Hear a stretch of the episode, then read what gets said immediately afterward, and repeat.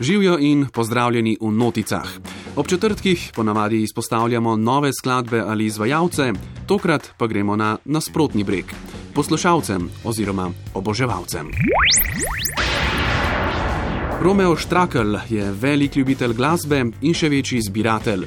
Posebej obožuje legendarne The Who, angliške rockerje, nastale leta 1964 ki so recimo popularizirali rock opero in z več kot 100 milijoni prodanih albumov postali eden najvplivnejših rock bendov v zgodovini.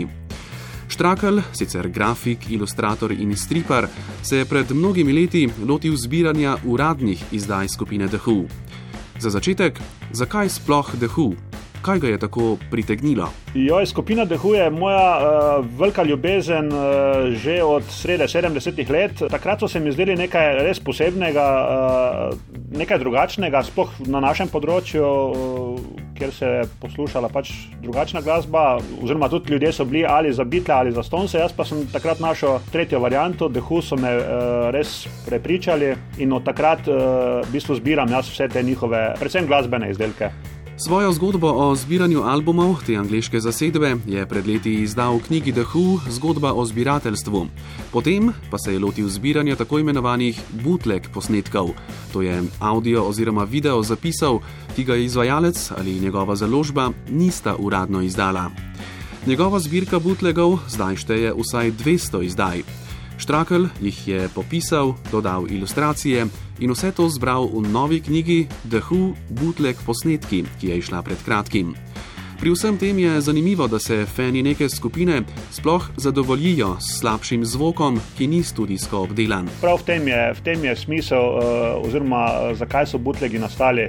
Fani smo pač taki, da želimo uh, koncerte, ki smo jih obiskali, da jih hočemo potem tudi ohraniti na nosilcih zvoka, in zato se je to zbiranje tako razširilo.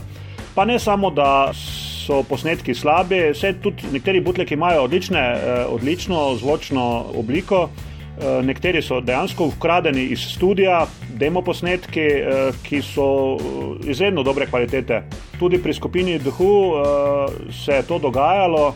Recimo znameniti koncert v Licu je bil posnet v celoti na tej znani plošči, koncertni Life at Leeds, je samo del posnetkov in to je bil eh, strašen magnet za uh, nas, zbiratelje, da dobimo koncert v celoti z pravilnim vrstnim redom skladb. Uh, Ker tudi te na uradno izdanem albumu niso take, ni tak vrstni red, kot je bil na koncertu.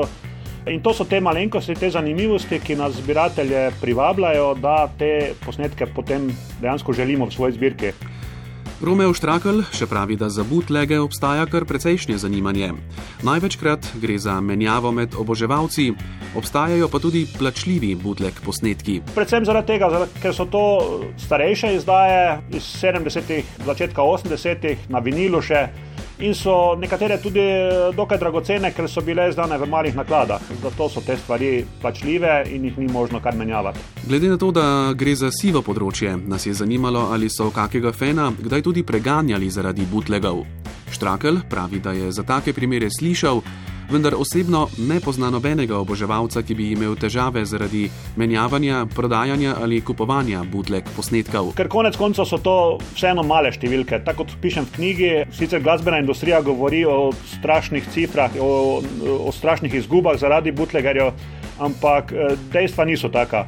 Številke, ki jih sami bootlegeri eh, priznavajo oziroma objavljajo, koliko je izdaj posamezne plošče, to so res male številke. Celo tistih butlegov, ki so bili uh, enormno uspešni, kot je bil Princov črni album ali pa od Dilana, recimo, uh, ki so dejansko veliki butlegi, so številke naklad precej male.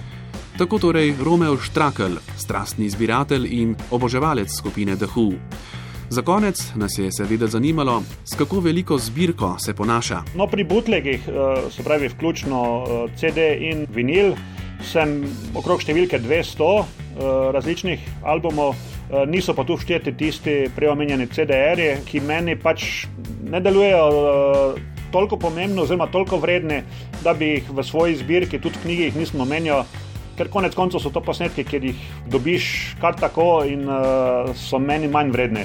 Ostalih uh, uradno izdanih albumov pa je zdaj že, mislim, da okrog tisoč v zbirki. Uf, To pa je zavidanje vredno. To je bil torej Romeo Štrakl, oba Jrneja, Vene in Sovočan, pa za konec dodajava eno z najbolj znane koncertne plošče skupine The Who, Live at Leeds iz leta 1970. Tukaj je udarna inačica klasike Summertime Blues.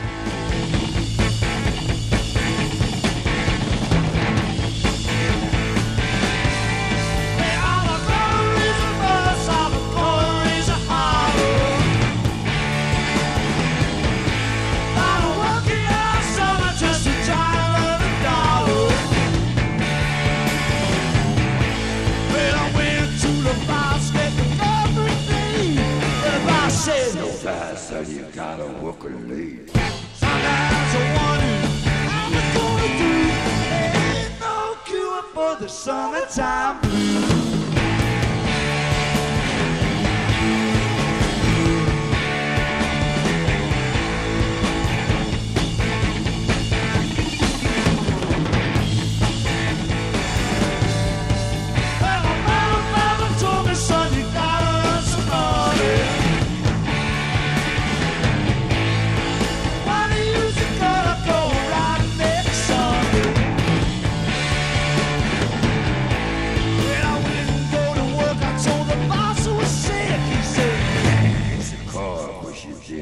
Sometimes I wonder how we're going to. do. There ain't no cure for the summertime.